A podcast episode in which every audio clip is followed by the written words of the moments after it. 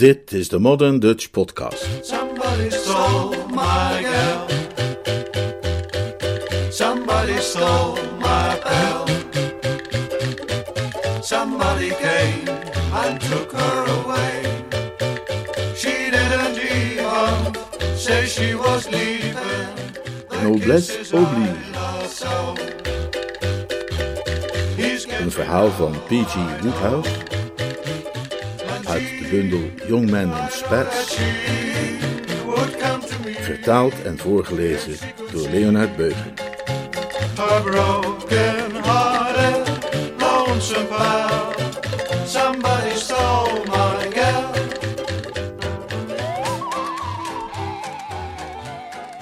Op het gewoonlijk zo gladde voorhoofd van de snor, die zojuist de rooksalon van de Drones Club was binnengekomen, vertoonde zich een verbijsterde rimpel. Hij slenterde peinzend naar de bank in de hoek en sprak het groepje kale en baardmans aan dat zich daar verzameld had. Sir, zei hij, wat betreft die Freddy Widgeon, hè? weet een van jullie misschien of hij nog wel helemaal goed snik is? Een kale vroeg waarom hij dacht dat dat misschien niet zo was. Ja, hij zit daar in de bar de ene na de andere cocktail te drinken.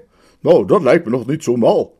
Nee, maar hij doet zo raar. Het is namelijk zo, moet je weten, dat het instituut waar wij allebei onze vormende jaren hebben doorgebracht, een fonds in het leven probeert te roepen voor een paar nieuwe recordsbanen.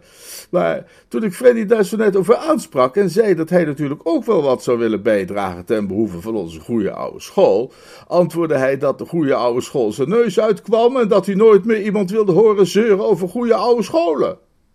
Vreemd, vond een kale ook. Ja, en toen lachte hij heel afschuwelijk en voegde eraan toe dat als iemand geïnteresseerd mocht zijn in zijn plannen, hij zich aan zou gaan sluiten bij het Vreemdelingenlegioen, dat heer der verdoemden, waar de gekneusde zielen zwoegen en sterven en als stervende vergetelheid kunnen vinden. Beau geste Widgeon, merkte een kale op onder de indruk. Doe maar. Een baardmans schudde zijn hoofd. Nou, je zult onze Freddy niet snel aantreffen bij het Vreemdelingenlegioen. Niet als hij eenmaal doorheeft dat hij daar 's morgens zijn kopje thee zou moeten missen. Maar hoe dan ook, ik kan begrijpen dat hij zich op dit moment niet zo best voelt, de arme donder. Het is natuurlijk ook een tragedie voor hem. Hij heeft zo pas het enige meisje verloren dat er voor hem bestond in de wereld.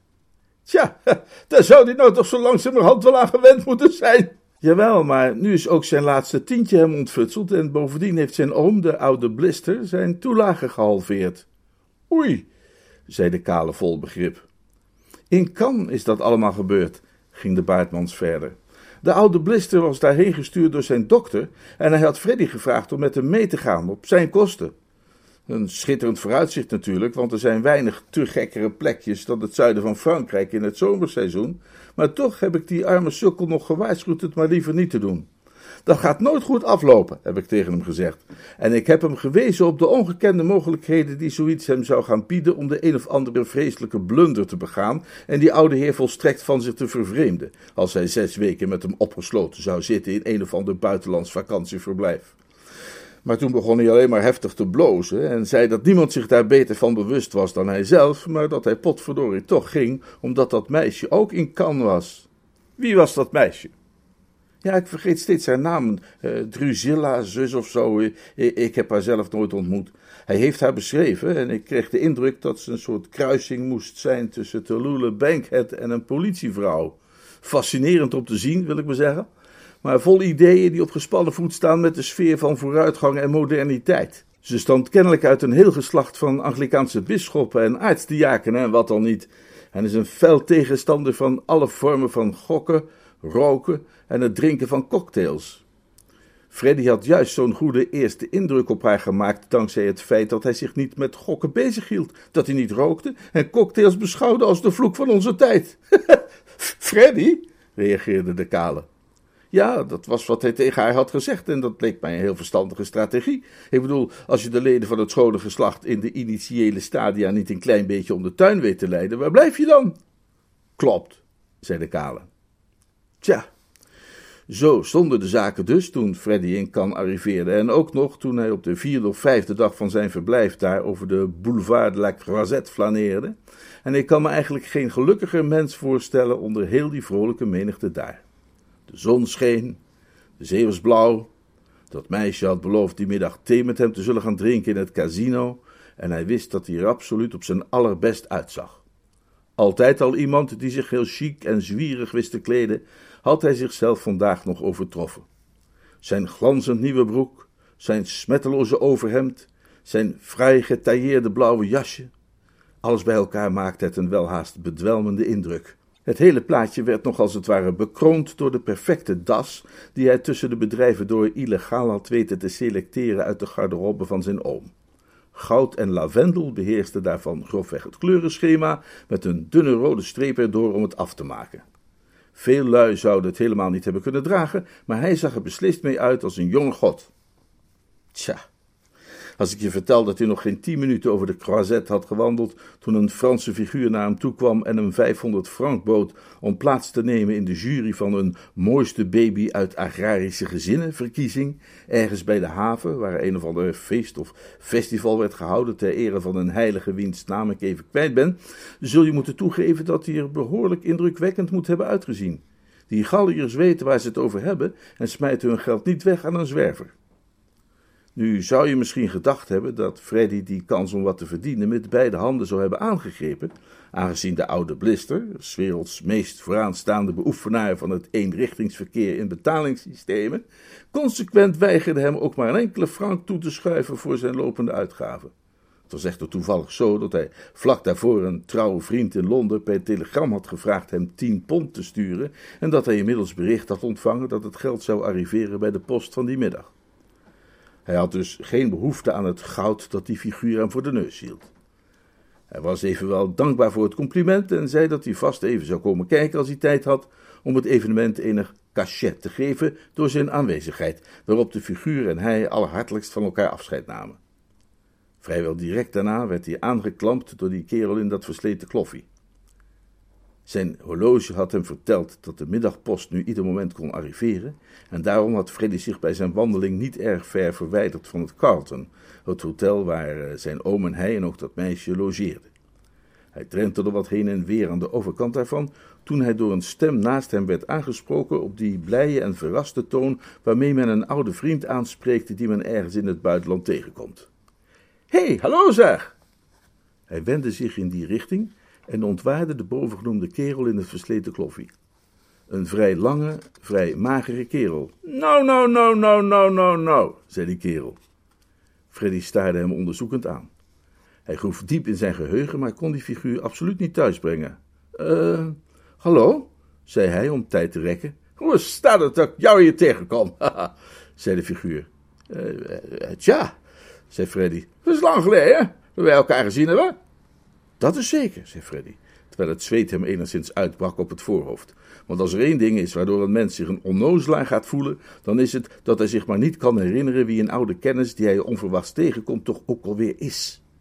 Ah, jij ziet zeker ook niet veel mensen meer van het oude clubje, vroeg die kerel. Nee, nee, niet zoveel, nee, zei Freddy. Ja, je drijft uit elkaar, hè? Ja, ja, je drijft uit elkaar. Maar een paar weken geleden ben ik Smith nog tegengekomen. Oh ja? Titi Smith bedoel ik. Oh, ja, Titi Smith.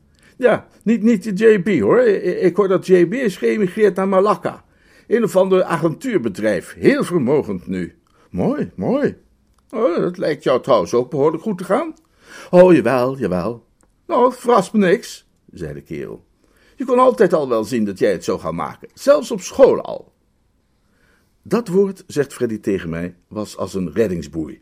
Die greep hij vast. Hij moest die kerel dus nog kennen van school. Dat maakte het een stuk gemakkelijker. Nu zou zijn geheugen vast wel weer wat beter beginnen te functioneren. Hij bekeek die kerel nog eens goed en zijn tijdelijke opluchting kalfde weer wat af. De man was hem volslagen onbekend voorgekomen en dat deed hij nog steeds.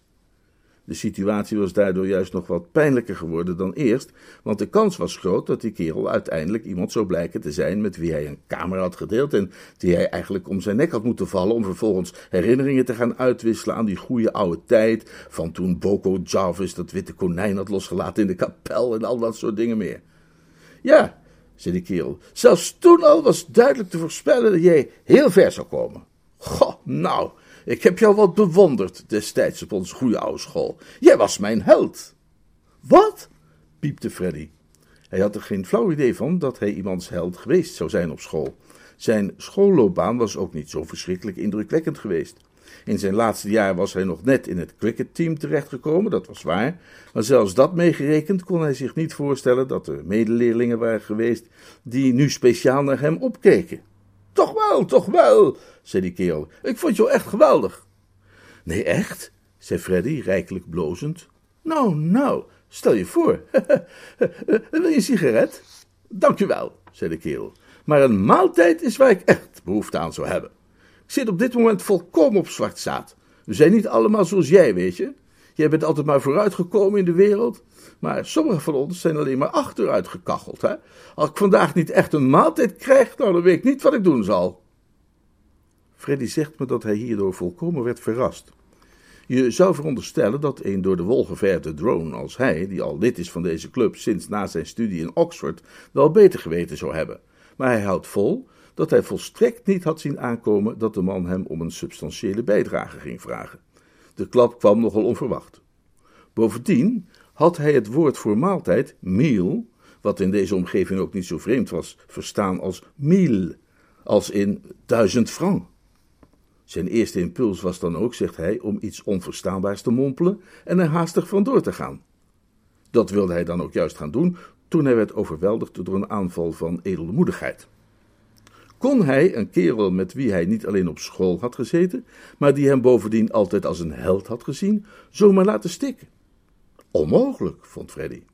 Er hadden 647 jongens op zijn oude school gezeten. En moest hij nu de enige van al die 647 jongens die een bewonderaar van hem was geweest, zo lelijk aan zijn lot overlaten? Dat kon hij werkelijk niet maken, oordeelde Freddy. Een mil was een hoop geld natuurlijk, bij de huidige koers iets meer dan 10 pond, maar dat moest op de een of andere manier op te brengen zijn. Noblesse oblige, wilde hij maar zeggen. Op het toppunt van die emotionele aanval herinnerde hij zich opeens de cheque die met de middagpost zou arriveren. In alle spanning van het moment was die hem even uit de gedachten geraakt. Verdorie, ja, zei hij, ik kan je helpen. Eh, ik stel voor dat wij over een paar uur afspreken bij het casino. God zeg je, zei de kerel. Nou, dat hoeft ook weer niet hoor, zei Freddy. Het was met gemengde gevoelens dat hij het hotel binnenging om te zien of de post er al was. Enerzijds was er het gruwelijke leed afstand te moeten doen van tien pond die voor iets heel anders was voorbestemd. Anderzijds was er de kalme trots die werd opgeroepen door het besef dat terwijl hij maar wat door het leven had rondgehuppeld zonder veel over zichzelf na te denken, er op de achtergrond steeds die kerel was geweest die de herinnering aan hem koesterde en daarbij tegen zichzelf zei: Ach, konden wij allemaal maar zo zijn als Freddy Widgeon. Tien pond was geen geld, zei hij tegen zichzelf, voor het gevoel van mentale opgewektheid dat die gedachte hem gaf. Hoe dan ook, hij zou het prettig gevonden hebben als die kerel genoeg zou hebben gehad aan vijf pond. Want er was een boekmaker in Londen die hij nu al een aantal maanden vijf pond schuldig was. En uit diens recente correspondentie bleek dat die bloedzuiger op het punt stond echt lastig te worden. Tot aan het incident van vandaag was hij beslist van plan geweest de man 30 shilling of zo te sturen om hem zoet te houden. Maar nu was dat natuurlijk niet langer mogelijk. Het bedrag zou in zijn geheel, onaangebroken, naar zijn oude schoolkameraad moeten gaan van wie hij zich overigens nog steeds de naam maar niet kon herinneren. Spivus, Brent, Jerningham, Fosway, Brewster, Goggs, Bootle, Finsbury? Nee. Hij gaf het op en liep naar de balie. De brief was aangekomen en de cheque zat erin. De uiterst geschikte kerel achter de balie verzilfde hem zonder de geringste klacht en hij wilde de buit juist in zijn zak steken toen iemand achter hem aha zei. Nu zul je zeggen dat het woordje aha toch niet iets is dat een mens met een naamloze angst hoeft te vervullen. Toch was dat wat dit aha met Freddy deed. Want hij had die stem herkend. Het was de stem van niemand anders dan die boekmaker aan wie hij die vijf pond schuldig was. Ja, dat, dat is gewoon het probleem met Cannes in augustus. Het publiek is er dan erg gemengd. Je vindt er dan mensen als Freddy Widgeon, geweldige kerels waar hun schoolkameraden altijd tegenop hadden gezien, maar ook volk als deze boekmaker. Allerlei lui dus, als je me volgen kunt, van hoog tot laag. Vanaf het moment dat hij zich omdraaide en in de staalglanzende ogen staarde van die vent, wist Freddy dat hij geen enkele hoop hoefde te koesteren. Zo vertelde hij mij. Maar hij deed zijn best. Uh, hallo daar, Mr. McIntosh, zei hij. U ook hier? Kijk eens aan, kijk eens aan. Ja, zei de boekmaker. Ik had nooit gedacht u hier nog eens tegen het lijf te lopen. Nou, is toch gebeurd, verzekerde de boekmaker hem. Hier eh, voor een lekkere vakantie? Eh, volledige rust en zo. Heerlijk genieten van de zon en alle gedachten aan werk en zaken doen dus helemaal uit het hoofd zetten, ja? Nou, niet helemaal, zei de boekmaker en haalde een klein zwart boekje tevoorschijn. Goed, laat mij eens even kijken. Mr. Witchen, hè? Eh, juist, ja. Eh, vijf pond op marmalade in de tweede race op Ellie Pelly. Had naar alle verwachting moeten winnen, maar kwam als derde binnen, ja. Zo is het leven in mij. Dat komt volgens mij eigenlijk op iets meer dan 450 frank, maar laten we het op 450 afronden, hè? We gaan het niet moeilijk doen onder vrienden. Het spijt me ontzettend, zei Freddy. Een ander keertje maar, vrees ik. Op dit moment gaat het me niet lukken. Ik heb geen geld. Niet? Nee, want dit hier heb ik nodig voor een arme kerel. Nou, ik ook, zei de boekmaker. Het resultaat was uiteindelijk natuurlijk dat die arme Freddy moest dokken. Een beroep doen op de betere gevoelens van een boekmaker heeft geen zin, want die heeft hij niet. Hij overhandigde die 450 flappen. Ah, nou, vooruit dan maar, zei hij, alstublieft. Maar ik zeg erbij, Mr. McIntosh, dat dit geld vergezeld wordt door de vloek van de Widgeons. Heel fijn, zei de boekmaker. En zo bleef Freddy achter met 550 frank in zijn achterzak, waar hij er duizend nodig had. Ik moet zeggen dat ik het hem niet had kwalijk genomen wanneer hij onder deze omstandigheden besloten zou hebben die oude schoolkameraad te laten zitten. Reken 50 frank om dat meisje Drusilla te fetteren aan de theetafel, dan zou hij nog 500 frank hebben overgehouden om zich mee in het veelzijdig amusementsleven van het zomerse kamp te storten. Toch nog een heel aardig bedrag. Maar hij weerstond de verleiding. Zijn oude bewonderaar Muttlebury, Jukes, Ferguson, Braithwaite hm, had gezegd dat hij een mil nodig had en een mil zou hij krijgen. Maar waar moest hij die andere 500 frank vandaan halen? Dat was het probleem. Heel even speelde hij nog met vergezochte en onrealistische plannen als te proberen dat geld te lenen van zijn oom. Maar plotseling schoot hem te binnen dat de benodigde bedrag precies overeenkwam met de som die de wereldwijze en modegevoelige Gallier hem geboden had, wanneer hij bij die festiviteit aan de haven in de jury wilde gaan zitten bij de verkiezing van de mooiste baby uit een agrarisch gezin. Nu heeft Freddy heel uitgesproken gezichtspunten met betrekking tot baby's. Wanneer alle mogelijkheden tot ontsnapping zijn afgesloten, durft hij er één tegelijk eventueel wel aan, mits er een moeder of een kindermeisje in onmiddellijke nabijheid is ten einde hulp te verlenen in het geval van de hik, van boertjes of spugen. Het is bekend dat hij onder zulke voorwaarden zelfs wel eens zijn horloge aan een bloedverwant heeft willen afstaan ten einde de kleine naar de tik-tak te kunnen laten luisteren maar ik zou de waarheid geweld aandoen wanneer ik beweerde dat hij van baby's hield. Van baby's, zegt hij, krijgt hij altijd een heel grijs gevoel. Hij heeft een hekel aan hun kille blik en aan de hooghartige en arrogante wijze waarop zij uit hun mondhoek beginnen te kwijlen zodra ze hem zien. Bij de aanblik van baby's ontwaakt bij hem altijd de twijfel of de mens ook werkelijk de bekroning is van de schepping.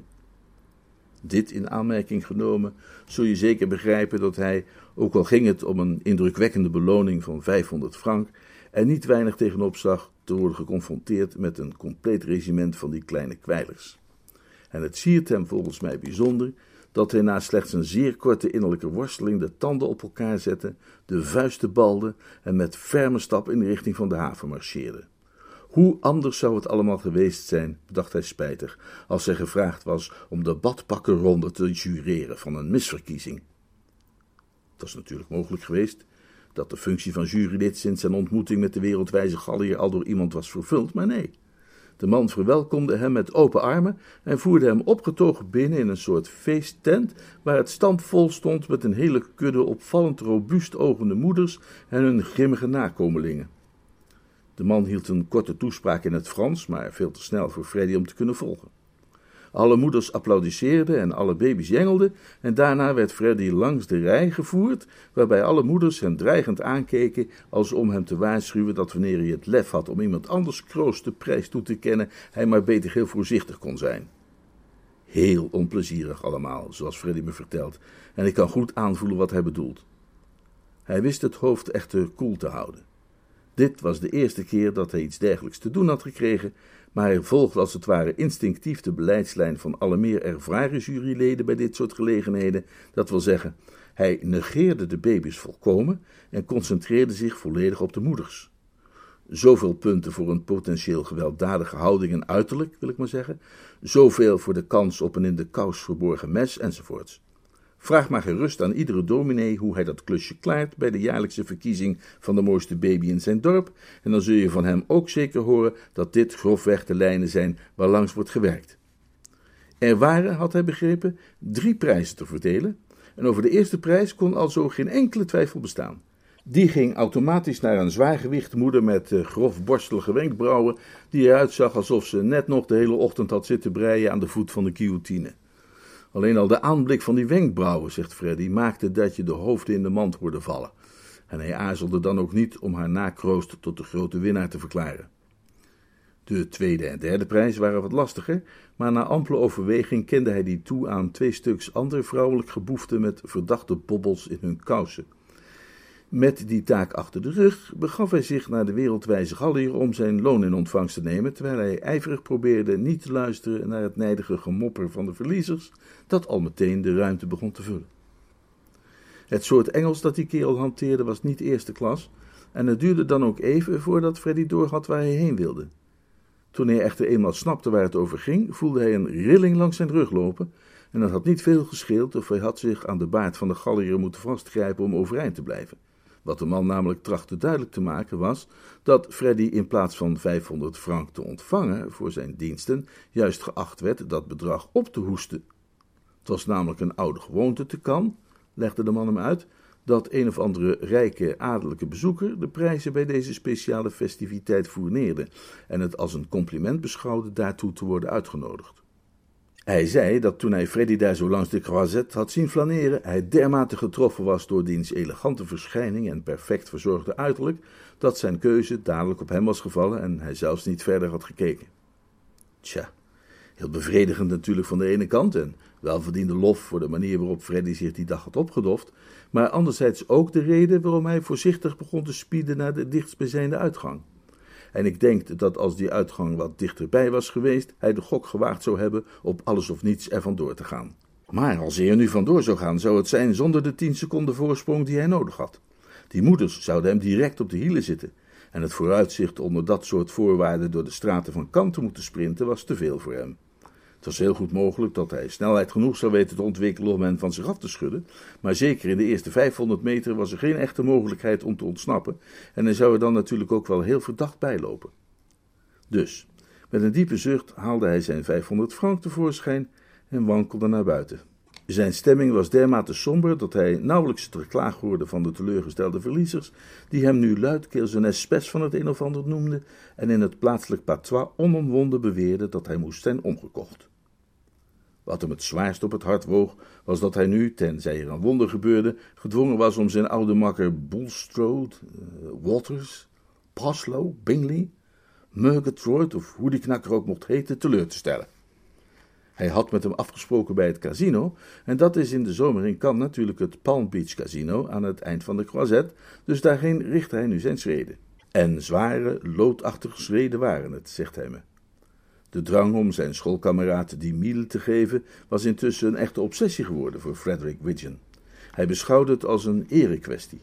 En hij huiverde bij de gedachte aan de ontmoeting die hij zo dadelijk zou hebben. Daar zou die knaap aankomen stappen, zijn hand uitgestrekt en met de glans der verwachting in zijn ogen, en wat wachtte hem daar? Een windei. Hij kreunde stilletjes. Hij zag de teleurgestelde blik van de ander al voor zich. Hij hoorde hoe die tegen zichzelf zei: Hm, zo ken ik Freddy Widgeon niet. Die jongen die ik altijd zo bewonderd heb in onze goede oude tijd op school, zou niet moeilijk hebben gedaan over een klein leningje als dit.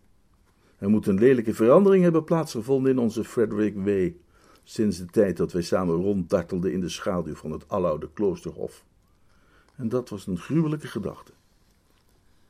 De hele weg langs de boulevard was hij in diep gepeins verzonken.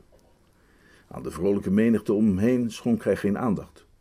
Op nog geen paraplu-lengte afstand kwamen er meisjes voorbij in badpakken, die van onderaan de ruggengraat reikten tot nog geen vijf centimeter lager, maar hij waagde er zelfs geen blik aan.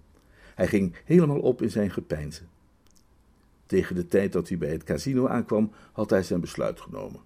Hoe irreëel en chimerisch zijn plan ook mocht lijken voor wie de man kende en diens gezichtspunten betreffende het spenderen van geld, hij had besloten een poging te doen duizend francs te lenen van zijn oom.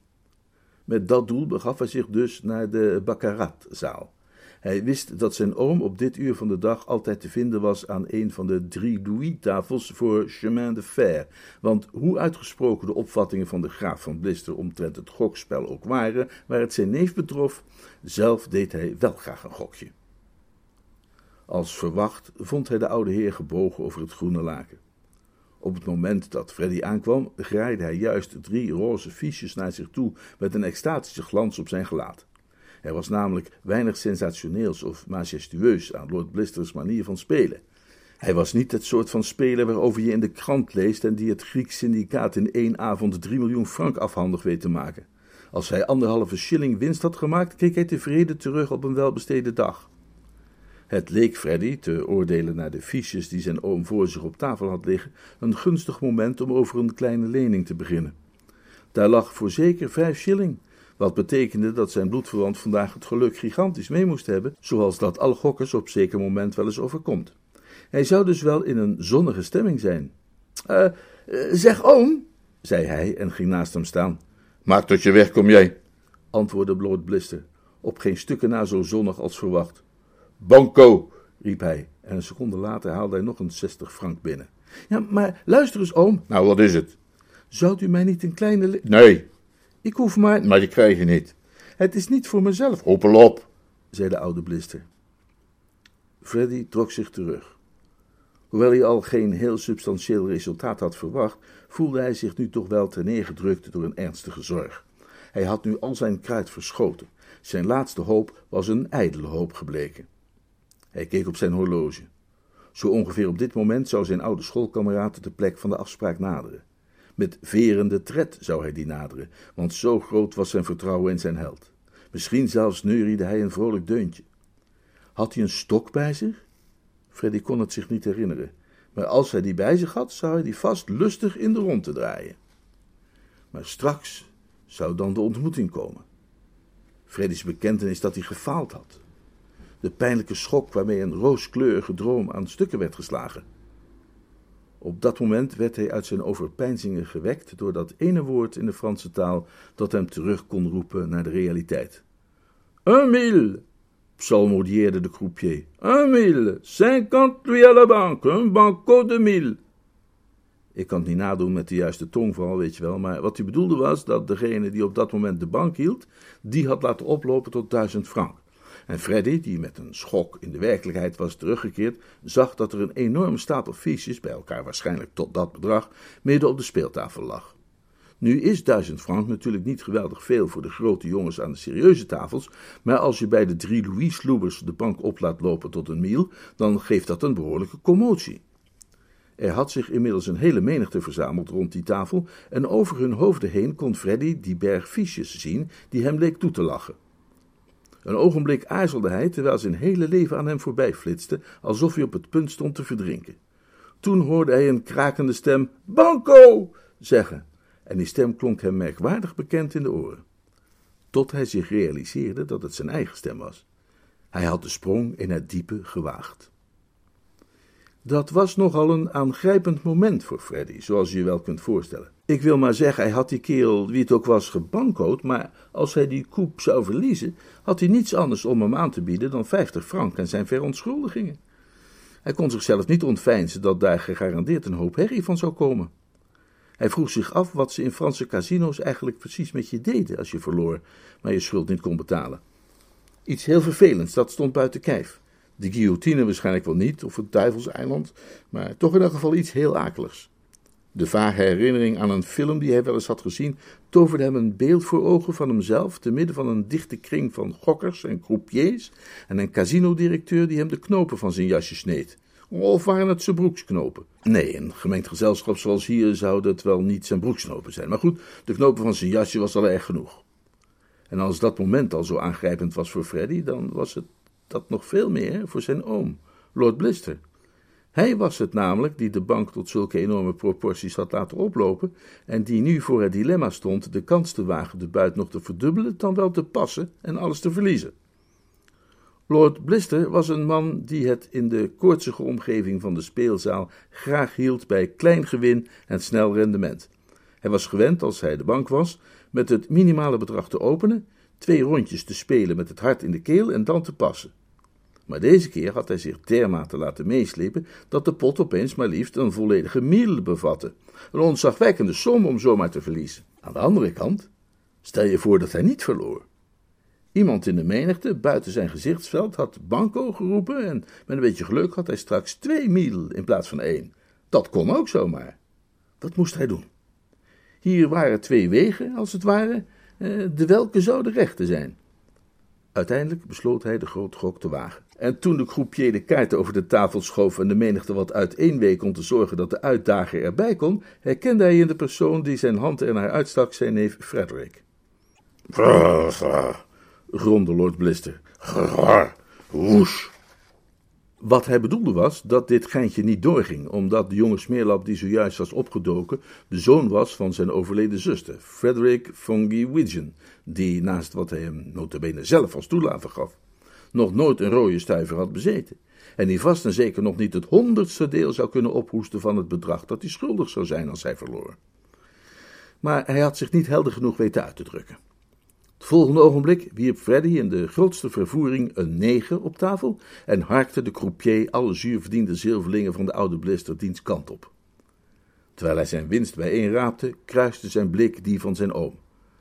Dat had tot gevolg dat hij een fiche van 100 frank op de grond liet vallen, twee van 1 louis en één van 5 frank. Hij bukte om ze te pakken en toen hij weer overeind kwam, klonk er een hem bekende stem in de oren. Goedemiddag, Mr. Widgeon, zei het meisje Drusilla. Oh, ah, zei Freddy. Een bijzonder intelligente opmerking was dat niet, zul je zeggen, maar zelf vond hij het al heel wat dat hij überhaupt iets uit zijn mond kreeg. Wat blikken betreft, zegt Freddy me, was het moeilijk kiezen tussen die van dat meisje en die van zijn oom.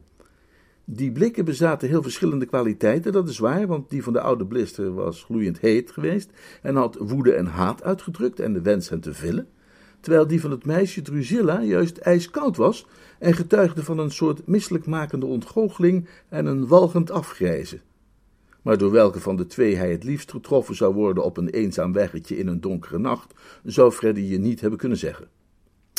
U schijnt geluk te hebben gehad, zei die Drusilla. Oh, ah, zei Freddy. Hij wendde snel zijn blik af, doch trof toen die van de oude blister. Hij keek snel weer naar de andere kant, maar daar kon hij niet aan die van Drusilla ontsnappen. De hele situatie, zegt hij, leek ontzettend op die van een ontdekkingsreiziger in donker Afrika, die een van de lokale gifslangen probeert te ontwijken, maar dan juist weer in de klauwen dreigt te vallen van een mensenetende tijger. Het meisje begon nu haar neus op te trekken met een gezicht alsof een bijzonder smerig type gifgas het casino begon binnen te dringen en zij er het dichtst bij stond. Ik moet bekennen dat ik een tikje verrast ben, zei ze, want ik was onder de indruk dat u me verteld had dat u nooit gokte. Oh, ah, zei Freddy. Als ik het me goed herinner, heeft u mij het gokken beschreven als een kanker in het weefsel van onze samenleving.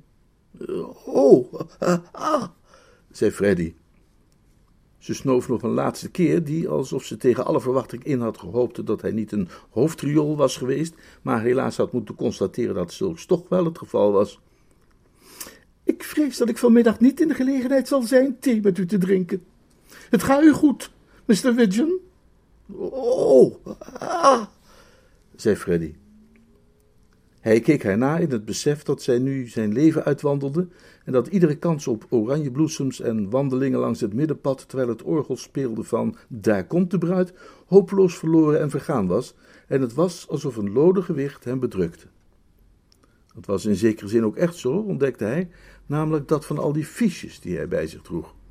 En op dat moment drong er tot hem door dat hem weliswaar een onderhoud met de oude blister te wachten stond, dat ongetwijfeld alle voorgaande records zou breken, dat hem bovendien de liefde van zijn leven ontgaan was, maar dat hij nu tenminste in een positie was om te voldoen aan het noblesse oblige van de Widgeons.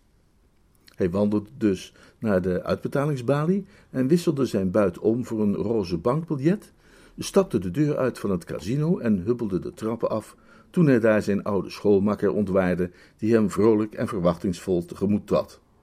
Ja, daar, daar ben ik dan, zei de oude schoolmakker. Oh, oh ah, ah, zei Freddy.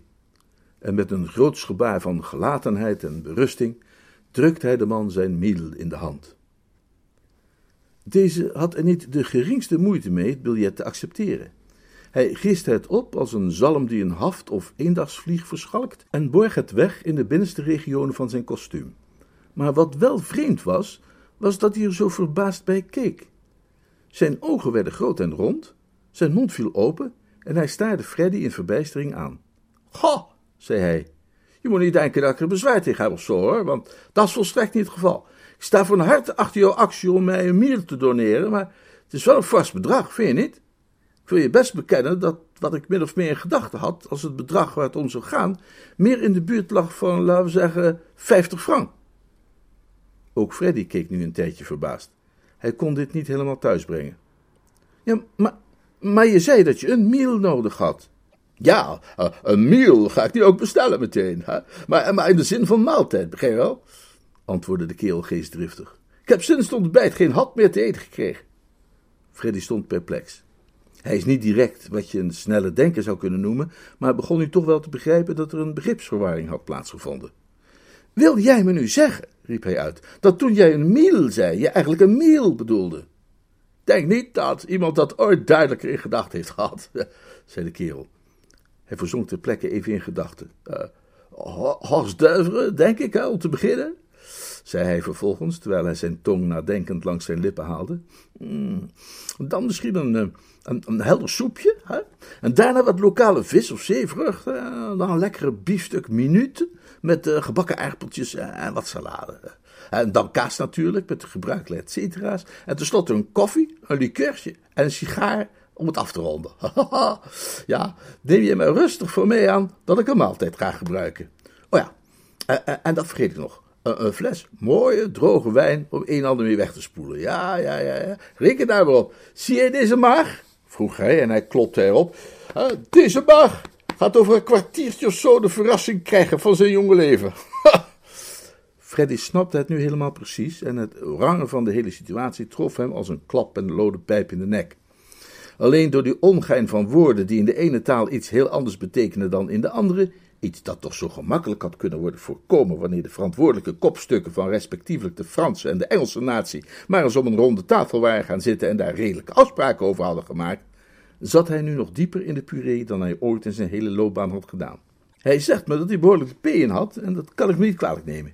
Iedereen zou onder die omstandigheden de in hebben gehad. Een halve minuut lang was hij half en half van plan die figuur bij zijn nek te pakken en die miel uit hem los te wringen en te vervangen door de vijftig frank die hij verwacht had maar toen ontwaakte opnieuw de geest van het noblesse oblige in hem. Hij mocht dan in de puree zitten, hij mocht dan financieel zijn geruineerd, hij mocht dan een tête-à-tête met zijn oom Lord Blister te wachten staan, tijdens welk dat oude heethoofd hoogstwaarschijnlijk zou proberen hem een stuk uit het vlezige deel van zijn been te bijten, maar hij had dan tenminste zijn goede, zijn edele daad gedaan. Hij had een kerel die hem destijds op school bewonderd had, niet in de steek gelaten. Die kerel was trouwens weer begonnen te babbelen.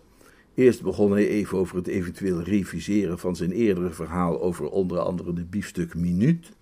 Een biefstuk minuut, eh, zei hij tegen Freddy, had naast uiteraard zijn positieve eigenschappen toch ook één tekortkoming, namelijk dat hij niet zo voedzaam was als zou kunnen. Misschien was het toch verstandiger, overwoog hij, en zocht voor dat gezichtspunt naar steun bij Freddy, om voor een paar stevige carbonade te gaan. Vervolgens echter veranderde hij van onderwerp. Maar goed, het was in elk geval een bof dat ik jou tegenkwam, Postelfeet, zei hij. Freddy stond even raar te kijken. Postelfeet, zei hij. Hoe bedoel je Postelfeet? De kerel leek verbaasd. Hoe bedoel je, hoe bedoel ik Postelfeet? Ja, ik bedoel, hoezo Postelfeet? Waar, waar, waar komt dat gepraat over Postelfeet opeens vandaan? Nou ja, Postelfeet. Dat is jouw naam, Postelfeet. Mijn naam is Widgeon. Widgeon? Widgeon. Niet Postlethwaite. Absoluut niet, nee. Ha! Nog altijd dezelfde, altijd gevatte oude grappen maken van een Postlethwaite, zie ik. Ik ben helemaal niet diezelfde altijd gevatte oude grappenmaker van een postelvreet, zei Freddy nijdig. Ik ben nog nooit die altijd gevatte oude grappenmaker van een postelvreet geweest. De kerel staarde hem aan. Dus, jij bent niet de postelvreet die ik altijd zo bewonderd heb op ons goede oude Binkleton. Ik ben van mijn leven nog nooit in de buurt geweest van dat goede oude Binkleton. Maar jij draagt de schooldas van Binkleton. Het duizelde Freddy. Is dit snerding een Binkleton-das? Die das heb ik gepikt van mijn oom. De kerel lachte hartelijk. nou ja, zeg. Wat, wat absurde verwarring allemaal. Je, je lijkt sprekend op Postelvreet en je hebt een Binkleton-das om. En, eh, natuurlijk dacht ik dat jij Postelvreet was. Hè? En al die tijd hadden wij allebei iemand anders in gedachten. Nou, nou, nou. Maar goed, het is tenslotte allemaal prima afgelopen, toch? Hè? Hè? Gegroet, voegde hij er haastig aan toe en was in een oogwenk om de hoek verdwenen. Freddy keek hem als versuft na. Hij maakte voor zichzelf de balans op. Aan de negatieve kant, Drusilla, hoe ze ook heet, was hij kwijt. Zijn oom, de oude blister, had hij eens te meer van zich vervreemd. Tien pond was in rook opgegaan. En nog het beroerdst van alles, hij was op school niemands held geweest. Daar stond als positief tegenover dat hem nog 50 frank restte. In het Palm Beach Casino te Cannes kun je vijf martini cocktails krijgen voor 50 frank. Freddy ging naar de bar en dronk er vijf. Ten slotte veegde hij zijn lippen af aan het servet dat de leiding van het casino verstrekte en verliet het pand, een dageraad tegemoet, zonder de glans der hoop.